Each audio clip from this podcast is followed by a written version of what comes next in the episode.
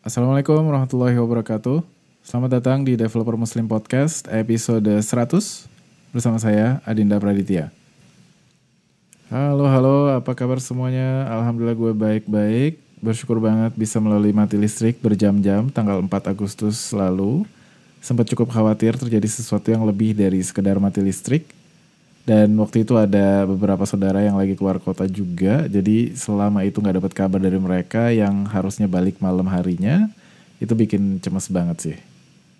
Dan alhamdulillah gue juga masih punya kesempatan untuk ngedit episode kali ini yang menarik banget. Jadi gue ngobrol bareng Leo karena antusiasmenya bikin kelas-kelas git gratis. Sampai lo dengerin podcast ini mungkin udah lebih dari 10 kali beliau bikin kelas itu. Jujur gue belum pernah lihat orang sesemangat beliau ini dalam ngajarin Git dan sempat penasaran gitu ya. Kenapa sih emang nggak bisa developer-developer kita ini belajar Git sendiri? Atau ada udang yang nggak kelihatan sama gue? Entah di balik apa ya udangnya ya. nah jadi setelah ngobrol bareng beliau beneran loh poin-poin yang Leo sampaikan itu penting banget Bahkan ada agenda dan misi tersendiri dari kelas-kelas gratis yang beliau kasih. Penasaran kan? Ini dia obrolan gue bareng Leonardo Situmorang. Selamat mendengarkan. Permisi, sebelum gue lanjutin, ada pesan-pesan sponsor dulu nih. Dengerin ya. Silakan mas, diputar. Makasih buat waktunya. Sekarang dengerin lanjutannya yuk. Oke, gue udah terhubung sama Leonardo Situmorang, front-end lead di Software House, yang tertarik sama knowledge management, Git, JavaScript, dan uh, mental model. Kalau lo pernah lihat tweet yang apa namanya, ada orang gitu semangat banget ngajarin Git ke orang-orang, itulah uh, beliau ini gitu ya. Karena gue pertama kali ngeliat beliau ini di tweetnya, semangat banget gitu. Kayaknya apa ya kayak ada dendam kesumat yang pengen menjelaskan git ke semua orang gitu ya. pengen nyari tempat uh, apa namanya? Siapa yang tempatnya bisa dipakai, gue ajarin git gratis deh gitu. Iya iya. Selamat datang Leo. Um, Iya, yeah, thank you, thank you, thank you. Oke. Okay. Iya, yeah, um, sekarang apa? Uh, iya mungkin bisa kenalin diri dulu mungkin. Uh, ya, poin-poin sekilas saja gitu. Sampai habis itu langsung kita langsung masuk bahas. Oke, okay. uh, eh, gue Leo. Uh, gue nggak gitu apa ya nggak gitu oke okay lah secara akademis gitu. Tapi gue benar-benar gue benar-benar uh, gue benar-benar tertarik banget sama dunia apa industri teknologi itu kan, teknologi informasi gitu. Terus kayak ya jadi gue ada di industri ini dari tahun 2008. Dulu gue sempat di core banking juga S400 gitu-gitu. Gue dulu sertifikat apa? Gue uh, punya sertifikasi gitu di RPG ya gitu gitulah pokoknya di bank dulu. Terus kayak cuma setahun gara-gara kayak lu ngapain gue kerja di di mesin yang eh, dulu gue gue gue udah maintain program tahun 83 men serius. Orang banyak ternyata ya. Terus gue kelihatan gitu. Tiap lain itu kelihatan ini dibuat tahun berapa gitu. Jadi dulu gue pernah maintain program tahun di tahun 83 bahkan program itu lebih tua dari gue gitu. Oh. gitu. tapi tahun awet muda banget kan kayak gitu-gitu. Hmm. Terus ya terus ya, gue lulusan IPB dulu, lalu sempat di BINUS juga, tapi drop out. Gitu mungkin sih kalau pernah ada tentang gue. Oke, sekarang uh, front end lead uh, pakai apa ininya? Framework atau vanilla atau apa? Oh, kita di software tempat gue bekerja itu pakai React gitu. Ah, okay. Karena menurutku React itu oke okay banget sih. Tapi kalau ntar butuh topik itu gue bisa jelasin banyak mungkin bukan jangan belok ke situ ya yeah. kita lempeng dulu oke okay.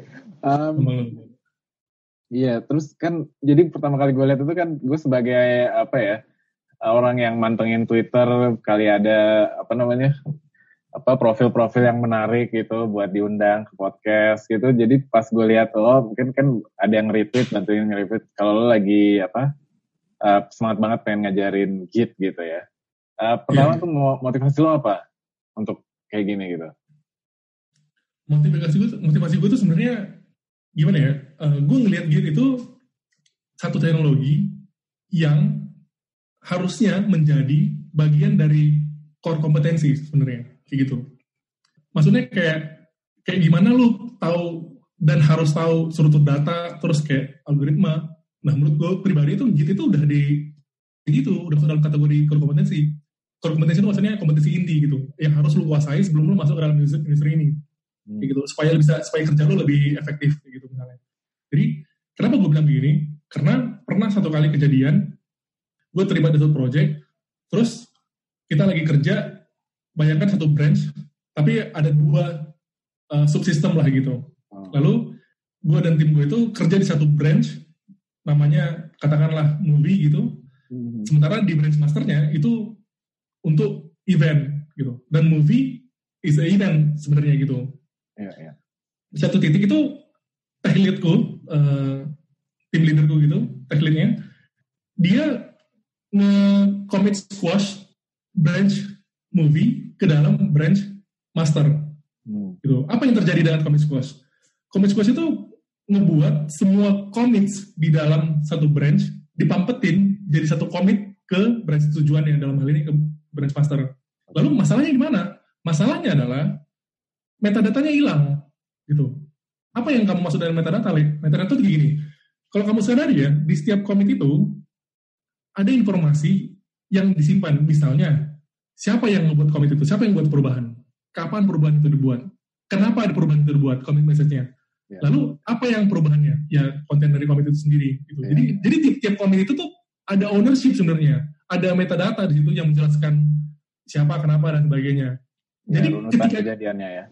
Betul, betul. Ada itu kan transaksi soalnya. Jadi dari semua transaksi tadi, semua komit itu kamu pembuatin jadi satu dan ketika komit itu dibuat, metadata tadi semua itu metadata tadi itu hilang semua dirinya dan jadi dimiliki sama satu orang siapa pun yang melakukan komit scores tadi. Iya, iya.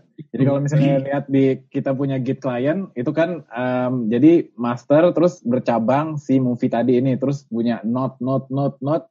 Nah, commit squash ini digabungin note-note yang tadi commit-commit tadi itu digabungin jadi satu terus habis itu masuk ke dalam satu note doang di atas master setelahnya gitu kan ya. Biar dapat Betul. Betul. Jadi uh, kalau ditanya loh, Le, kondisi akhirnya sama aja, Le. Benar kondisi akhirnya, kondisi akhirnya benar hasil akhirnya kalau dari sisi fungsi data system benar, tapi dari sisi story itu hilang semua. Itu ibaratnya kayak lu mau wipe, mau wipe history gitu, lu mau wipe iya. pengetahuan yang banyak banget kenapa apa siapa gitu dan kapan gitu hilang semua gitu. Yeah. Itu itu nggak oke. Okay. Kenapa nggak oke? Okay? Gini, karena seiring waktu ketika lu kerja di satu file misalnya, terus lu pengen tahu apa sih motivasinya orang buat fungsi ini, yeah. karena yang lo lakukan adalah git blend kan, yeah, gitu. Yeah.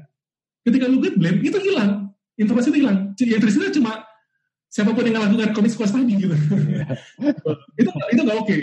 Nah, yeah. menurut, menurutku balik ke tadi balik ke motivasi tadi itu nggak oke okay, kayak gitu. Uh, nggak walaupun tech lead lu dia merasa dia punya kontrol untuk melakukan itu, tapi itu nggak oke okay. dan lu harus dan kita sebagai anggota timnya kita bisa counter itu. Yeah. Masalahnya adalah teman-teman waktu itu nggak paham gitu, either nggak paham atau mereka kayak terlalu apa modelnya kayak uh, model orang di situ kayak Ya, itu kan bukan bug, tapi kan kayak bukan bug, tapi ya kita hilang informasi yang banyak gitu untuk.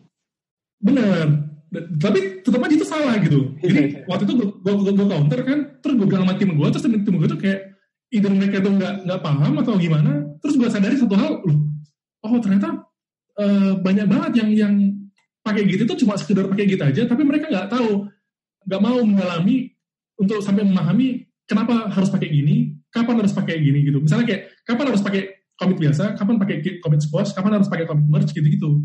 Yeah. Nah, jadi jadi gue sampai satu satu kesimpulan, oke, okay, gimana cara nyelesain masalah ini ya? Ya akhirnya gue pikir ya udah aku coba aja buat buat bahan presentasi, terus gue coba gue ajarin ke tim gue waktu itu kayak gitu-gitu. Dan seiring waktu presentasi gue itu gue improve gue improve terus sampai nemu satu formula yang menurut gue oke okay banget.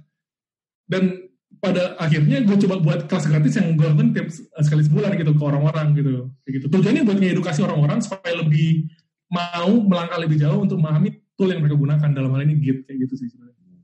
Workshop lo waktu itu berapa berapa jam sih? Seharian atau gimana? Uh, rata-rata sebenarnya tiga mini paling cepat tuh, tuh paling cepat sebenarnya dua jam. Pernah tuh dua jam itu ke anak ITB semua isinya. Serius anak ITB itu bingung.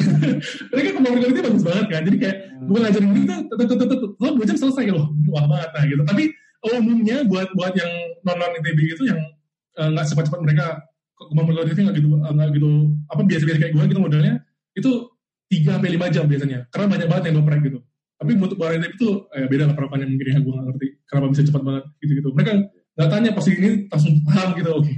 Itu tak banget sih. Kayak gitu. Jadi biasanya itu tiga sampai lima jam. Hmm. ya gue bisa relate sih. Soalnya kalau kan dari gue sendiri gitu kan kayak di kampus itu kan kita nggak dapet. Habis itu kalaupun mau baca manualnya kan ada tuh gitbook gitu kan. Itu kan ya udah uh, ya teori doang gitu. Gimana menggabungkan ke konteksnya gitu. Jadi hmm, apa namanya memang maksudnya ya itulah keadaan kita gitu kan Iya, apa gitu itu kritik sih. kritik. Iya, pak, pak, benar, benar, benar, benar, benar, benar. Gue juga pernah tuh, jadi gue di kantor dulu berdua. Ya bukan startup juga sih, cuman uh, kita ada branch lah, branch di Singapura itu berdua dan uh, itu setiap fitur yang kita lakukan uh, begitu mau merge ke master itu kita squash jadi satu um, apa namanya ya kita pikir tuh apa namanya uh, efisien gitu. Jadi ya ya komit lo udah satu untuk fitur ini gitu. Jadi padahal kan div jadi banyak banget gitu kan. Sebenarnya itu apa itu tuh yang lakukan itu justru gak apa-apa itu bagus sebenarnya. Ya, akhirnya cuman uh, ada yang komplain pada akhirnya setelah um, oh. berapa bulan gitu dikomplain jadi soalnya ya jadi nggak ketrek gitu. Um, ya kan fitur macam-macam ada yang ada yang kompleksitasnya lebih tinggi ada yang enggak gitu kan. Untuk yang tinggi mungkin kan jadi jadi bermasalah karena ya orang-orang setelahnya. Bahkan mungkin orang kita sendiri yang nge-refer balik lagi kejadiannya dulu kayak gimana itu juga akan susah kan gitu. Iya iya yeah, jadi gue bisa ini banget tuh relate banget begitu lo bilang uh, apa namanya git squash itu. Aduh bener-bener. Lah ada memori tersendiri juga. Iya jadi sebenarnya uh, yang pengen gue tekankan itu adalah di kelas gue itu ketika gini nih kelas gue itu berhasil kalau setelah mereka selesai ngikutin kelas gue itu mereka tahu kayak gimana sih hasil akhirnya setelah lu melakukan operasi ini. Bahkan sebelum operasi dijalankan gitu. Hmm. sebenarnya jadi kayak gini kondisi gitu nih. Ada orang ada code lu yang ada changes lu segala macam. Bahkan sebelum lu git commit lu udah tahu bakal kayak gimana state setelahnya gitu kondisi setelahnya gitu. Gitu. Itu yang itu yang pengen gue coba uh, bagikan ke orang-orang kayak gitu nah untuk itu gue butuh ngajarin tentang yang namanya mental model kayak gitu yeah. gitu. Jadi, So, maksudnya yang kalau misalnya tahu untuk tahu setelahnya itu kayak misalnya kita ngerjain fitur, jadi kayak kita ngerjain tesnya dulu, terus habis itu uh, implementasinya gitu atau atau gimana? Biar biar. Bukan bukan. Nah, ini kan konteksnya kan git kan. Ya. Nah, maksudnya ini nih, kan pernah lu, pasti lu pernah juga, pasti siapa pun nanti yang dengar ini pasti pernah ketika mereka pakai git di awal-awal, dia lagi kerja nih, terus oh gue butuh changes nih dari master misalnya gitu. Kan yang dilakukan orang-orang biasanya kan git pull origin master gitu katanya kan? Iya, iya, iya. nah ketika dia enter sama dia wah ternyata konflik. Iya iya iya. Benar nggak? Nah itu kan hal-hal yang jadinya nggak nggak bisa lu tebak kan? Uh. lu cuma kayak berserah aja gitu kan? Iya, nah iya, iya, titik itu di titik konflik di titik udah berantakan banget lu panik kan? Iya, benar nggak? iya, iya. Karena lu ini ini situasi yang nggak lu duga sebelumnya terjadi konflik code base lu udah ngaco-ngaco nih jadinya nih. Terus lu panik terus yang lu lakukan adalah file-file yang lu kerjain tadi lu backup terus project lu sekarang itu lu hapus terus lu klik apa clear ulang biar bersih lagi. Ya kan? Gitu. Jadi nah hal-hal kayak gini tuh sebenarnya nggak perlu terjadi gitu. Kalau pengalaman lu tentang gitu tuh oke okay, gitu dan itu yang itu yang pengen gue coba ajarkan. Itu yang, yang pengen gue ajarkan adalah uh, pemahaman tentang gitu ini. Sehingga kondisi akhirnya bahkan ketika lu belum jalankan gitu kalau di master lu udah bisa tebak oh ini bakal konflik nanti nih. Kayak gitu. Lu bisa tahu itu sebenarnya. Ya, ya. gitu. Gitu iya iya iya. Nah, untuk memahami itu butuh yang namanya uh, itu situ gue ngajarin mental model. Kayak gitu. Bahwa lo harus bisa ngertiin uh, gimana sesuatu itu bekerja dalam hal betul. It, gitu ya. Betul betul. Jadi sebenarnya kelas gratis itu yang gue buat itu kelas gitu itu uh, sebenar-benarnya pada intinya di balik semuanya itu ngajarin apa sih mental model itu? Gitu. Kayak gitu. Ngajarin ngebuat mental model dalam pikiran untuk memahami git untuk memahami satu sistem dalam hal ini git gitu. Sekarang uh, eh, gue coba ulang ya. Apa sih mental model itu? Mental model itu perkiraan bagaimana sebuah sistem bekerja gitu. Ini sama kayak persis kalau misalnya yang lain atau lu mungkin pernah dengar apa istilahnya kalau misalnya lu kerja bikin apa kalau lu kerja machine learning gitu, kan mereka bikin oh bikin model nih, bikin model kan gitu mereka bilang kan. Yeah, yeah, nah, model itu sebenarnya perkiraan gitu. Kayak ada input, lu bikin perkiraannya. Akurat gak nih? Iya kan? Nah, ketika lu bikin model, ketika lu bikin perkiraan, kan ukurannya akurasi sebenarnya. Yeah, yeah. Gitu. Dan dalam, dalam hal ini, yang pengen gue ajarin mental model itu adalah membuat perkiraan bagaimana sebuah sistem bekerja gitu. Dalam lebih spesifik lagi, bagaimana Git bekerja gitu. Hmm. Untuk apa lu mau Git bekerja? Supaya ketika nanti lu melakukan operasi Git, lu gak panik. Gitu. Yeah, yeah. Lu gak panik kalau state-nya tiba-tiba jadi begini. Karena karena lu pahami Git, lu tahu cara kerjanya. Jadi ketika state kayak gitu, lu langsung kayak, oh iya, lu paham kenapa jadi kayak gini. Yeah. Gitu. Karena lu pahami cara kerjanya gitu-gitu. Nah jadi uh, mungkin contoh yang lebih lebih dekat sama kita itu kayak handphone gitu misalnya. Ini gue ini contoh ini selalu gue bilang bolak-balik karena ini paling dekat sama kita semua. Iya. Misalnya kayak lu lihat handphone lo ya touchscreen gitu kan. Nah, kayak gimana cara kerjanya? Kayak gimana cara kerjanya kok bisa kita sentuh layarnya? Terus kita geser sentuh apa uh, jari kita itu, terus apa kontennya bergeser gitu, kayak sliding gitu kan? Iya, iya. Nah, kalau orang-orang awam itu tuh nggak bisa dia paham itu. Itu kayak murni magic aja buat merebut mereka sebenarnya. Iya, iya. iya kan? Nah, tapi di titik ini gue bisa gue bisa bilang setelah gue baca-baca ya, ternyata kayak jari kita ini bisa meneruskan listrik ada dalam tubuh kita gitu. Tapi mungkin arusnya kecil gitu mungkin kan. Jadi dari kita itu kita sentuh ke layarnya, layarnya itu sama meneruskan listrik ke sensor yang di bawah layar. Iya.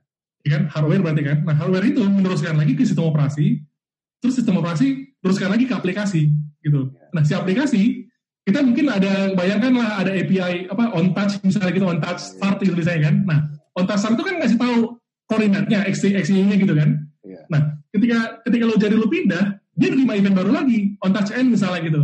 Nah, terima koordinat baru lagi kan. Nah, terus sekarang lo tinggal kurangin tuh, kurangin X baru dengan X lama, Y baru dan yang lama, lo dapat deltanya kan. Terus lo gitu, terserah lo responnya mau gimana kayak gitu kira-kira. Yeah. Jadi yang barusan gue bilang sama lo ini adalah uh, itu mental model yang gue buat dalam pikiran gue belum tentu benar, belum tentu akurat gitu.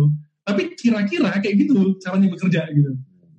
Kebayang maksud gue kan? Iya. Nah, jadi tapi gini, gak semua orang tahu on touch and on touch start gitu.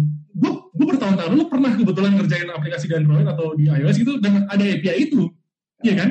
Somehow ketika gue berusaha untuk memahami ini oh itu kenapa mereka bikin API ini? Oh itu kenapa mereka bikin API kayak gitu. Begitu kan? Jadi maksud gue gini maksud gue gini kemampuan lu untuk membuat mental model yang akurat itu benar-benar dibatasi sama pengetahuan lu.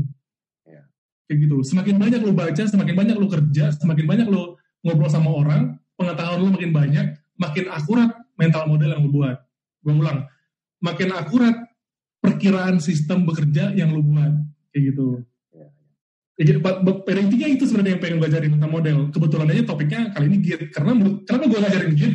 Oh ya ini gue, gue harus bilang nih. Kenapa gue, kenapa Git yang gue ajarin? Kenapa nggak yang lain? Kenapa nggak apa uh, Java gitu atau yang lain-lain gitu kan? Yeah. Karena gini, uh, tadi gue bilang nih, menurut gue, menurut gue Git itu kayak kayak bagian dari core kompetensi itu.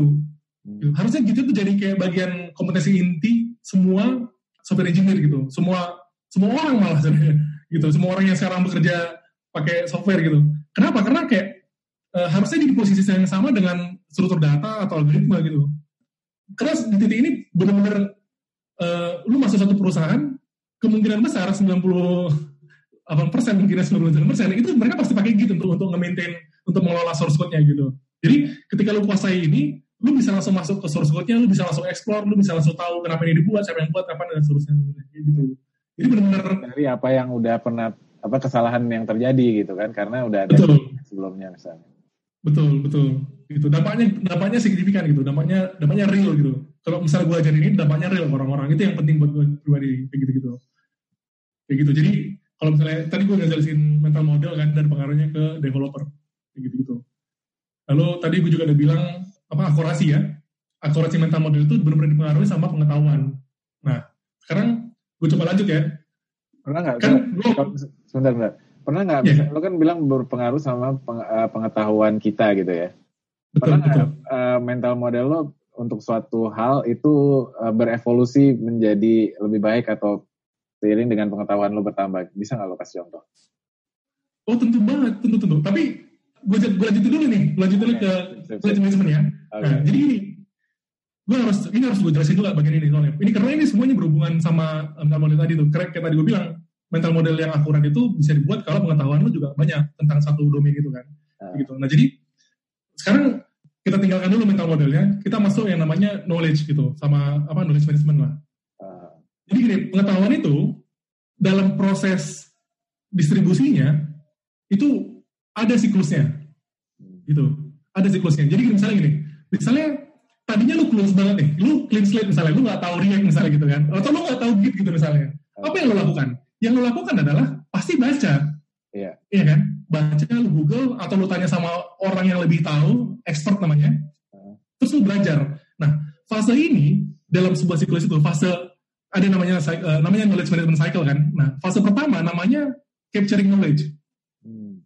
Oke, okay? jadi lu lu tadi kondisi awalnya nggak tahu, terus lu capture knowledge-nya. Nah, capture knowledge ini caranya banyak, kayak tadi gue bilang baca atau nanya atau diajarin atau ikut kelas atau apa pun itu loh, ya kan? Nah, ketika udah dapat knowledge-nya, apa yang lo lakukan?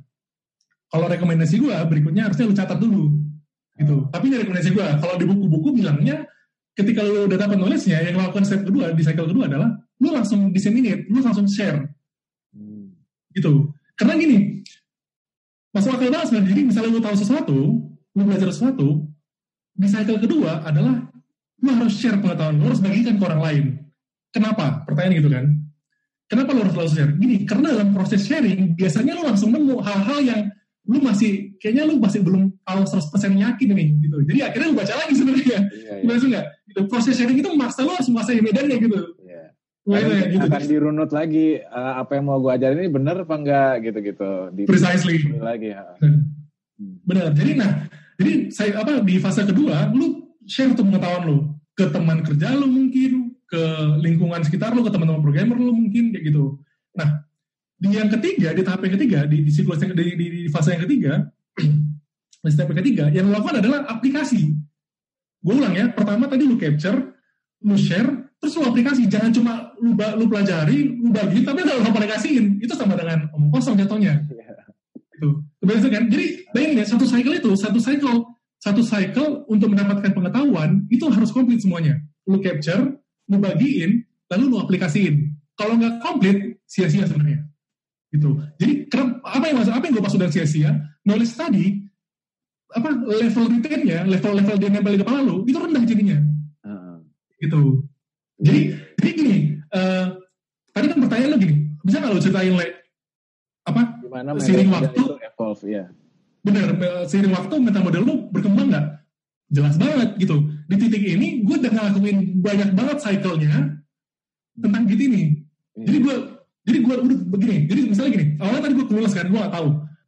Uh, terus gue gue gue coba gue gue install Git, gue baca dokumentasinya, gue coba jalanin capturing knowledge kan. Ya.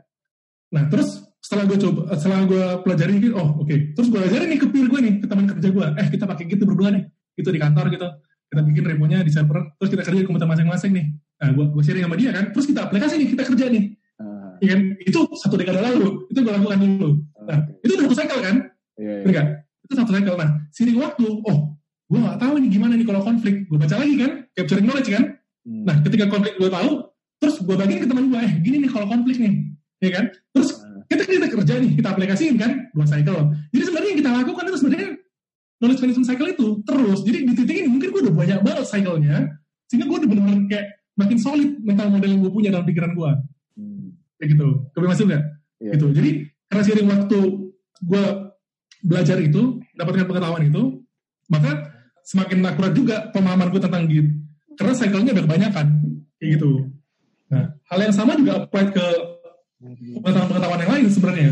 Sorry sorry, sorry, gitu. sorry iya nggak Iya, pas banget waktu itu anak gue datang dan obrolan kita terputus sebentar. Dan sepertinya waktu yang cocok juga untuk mengakhiri bagian pertama dari obrolan kita di episode kali ini. Benar-benar menarik latar belakang dia bikin kelas-kelas git gratis. Gue minta maaf kalau pemotongan ini terganggu dan sengaja gue nggak terusin karena lanjutannya lumayan serius dan agak banyak yang harus ditangkap. Setidaknya kalau gue dengerin sendiri, emang enaknya dibagi jadi dua hitung-hitung gue juga jadi ada waktu buat ngedit episode selanjutnya. Oh ya, ngomong-ngomong soal edit episode, gue kepikiran untuk nyewa jasa editor yang bisa bantu gue. Lo bisa meringankan beban gue dengan cara yang pertama, jadi atau mencari editor podcast yang mau bantu secara sukarela. Atau yang kedua, mencarikan editor yang rela dibayar murah. yang lagi belajar mungkin atau mahasiswa. Nanti gue sebut di setiap episodenya namanya atau twitternya dan lain-lain. Bisa diatur lah.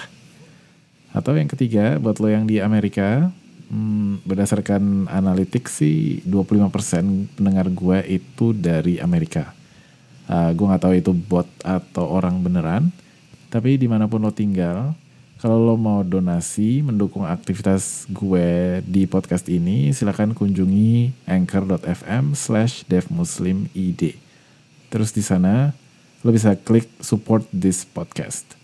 Terserah lo mau kasih satu dolar, 5 dolar atau 10 dolar Berapapun itu, itu akan sangat berarti buat podcast ini dan para pendengar sekalian di tanah air.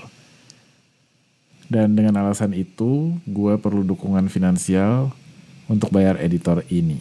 Makanya akhir-akhir ini akan ada iklan di awal episode. Jadi apa pun yang bisa lo bantu itu akan sangat berarti buat podcast ini. Link-link yang dibahas bisa lo lihat di devmuslim.id slash episode 100 Silakan ditelusuri dan kabari gue kalau ada yang kelewat. Pertanyaan, kritikan, saran, atau cuman mau kenalan bisa kirim email ke devmuslimid@gmail.com atau DM gue langsung di Twitter atau di Instagram dengan akun yang sama yaitu at devmuslimid. Podcast ini bagian dari Product and Development Podcast Community Indonesia. Informasi lebih lanjut bisa ke github.com slash pdpcid Podcast ini tersedia di Apple Podcast, Google Podcast, Castbox, dan lain-lain. Lo bisa lihat pilihan-pilihannya di anchor.fm slash devmuslimid. Jangan lupa kasih komentar dan rating yang bagus di aplikasi mana pun lo dengerin podcast ini. Buktikan kepedulian dan dukungan lo untuk podcast ini. Baik, gua pamit dulu. Sampai di episode Developer Muslim Podcast berikutnya insya Allah. Wassalamualaikum warahmatullahi wabarakatuh.